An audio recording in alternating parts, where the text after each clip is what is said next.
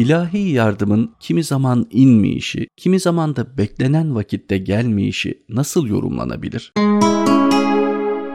Cenab-ı Hak kainattaki bütün varlıklara kesintisiz bir şekilde destek olmaktadır, yardım etmektedir. Cenab-ı Hakk'ın en önemli esmalarından birisi olan Rahman isminin gereğidir bu. Rahman ayırt etmek sizin yardım eden manasına gelir. Dolayısıyla kainatta varlıklar herhangi bir kategoriye tabi tutulmaksızın Allah'ın yardımıyla daima iç içedirler. Bu sebeple kainattaki bütün varlıklar da bu Rahman isminin yüzü su hürmetine birbirinin yardımına koşmaktadır. Ve rahmet her şeyi kuşatmıştır. Hiçbir şey istisna bırakmamıştır. Dolayısıyla insanın başına gelen bütün hadiselerde Cenab-ı Hakk'ın bir yardımı söz konusudur. İnsana yardımın ulaşmadığı, desteğin gelmediği hiçbir an yoktur. Destek gelmiyor, yardım gelmiyor göründüğü durumlardaysa desteğin gelmeyişi bir yardımdır, yardımın gelmeyişi bir destektir. İlahi yardımlar insana onun hevesleri doğrultusunda gelmezler. Bazen insanın ruh halinin dağılması ona yapılmış bir yardımdır. Bazen sosyal hayatta veya iş hayatındaki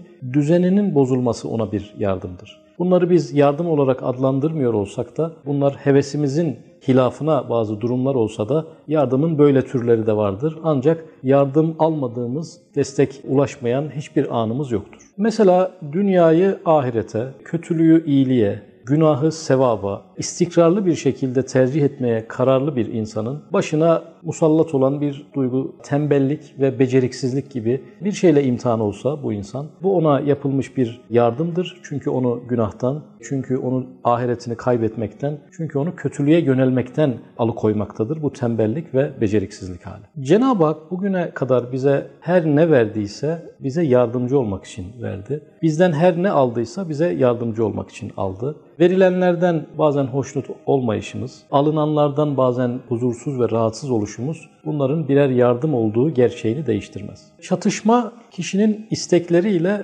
ihtiyaçlarının karşı karşıya geldiği durumlarda oluşur. Kişinin ihtiyaçları ve istekleri birbirinin zıttı duruma geldiği durumlarda Cenab-ı Hakk'ın kişinin ihtiyaçlarını öncelemesi merhametinin bir gereğidir onun isteklerini öncelemesi ise ona yapılmış bir acımasızlık olacaktır. Dolayısıyla ihtiyaçlarımızla isteklerimiz çatıştığı anda Cenab-ı Hak bizim ihtiyaçlarımızı tercih eder, isteklerimizi geri bırakır. Bu rahmetin ve merhametin bir gereğidir. Bu bize yapılmış bir yardım ve destektir. Bir uyuşturucu bağımlısının bizden uyuşturucu alacak bir maddi isteği olduğunu düşünelim. Arka taraftan onun uyuşturucudan kurtulma ihtiyacını düşünelim. Bizim onun uyuşturucu ihtiyacını gidermemiz ama uyuşturucudan kurtulma ihtiyacını görmezden gelmemiz bir acımasızlık olur. Dolayısıyla bu yardımı ona yapmayışımız bir yardımdır. Mesela elini akrebe doğru uzatmakta olan bir çocuğun bu isteğini yerine getirmek bir acımasızlık onu bu istekten alıkoymak bir yardımdır. Dolayısıyla kader karşısında bizim de bir takım çocukluklarımız, bizim de bir takım bağımlılıklarımız vardır ve arzu ettiğimiz şeylerin elimizden alınması, yerine bize lazım olan şeylerin konulması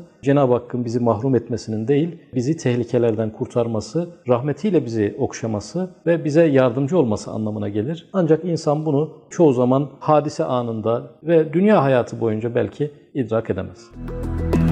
Müzik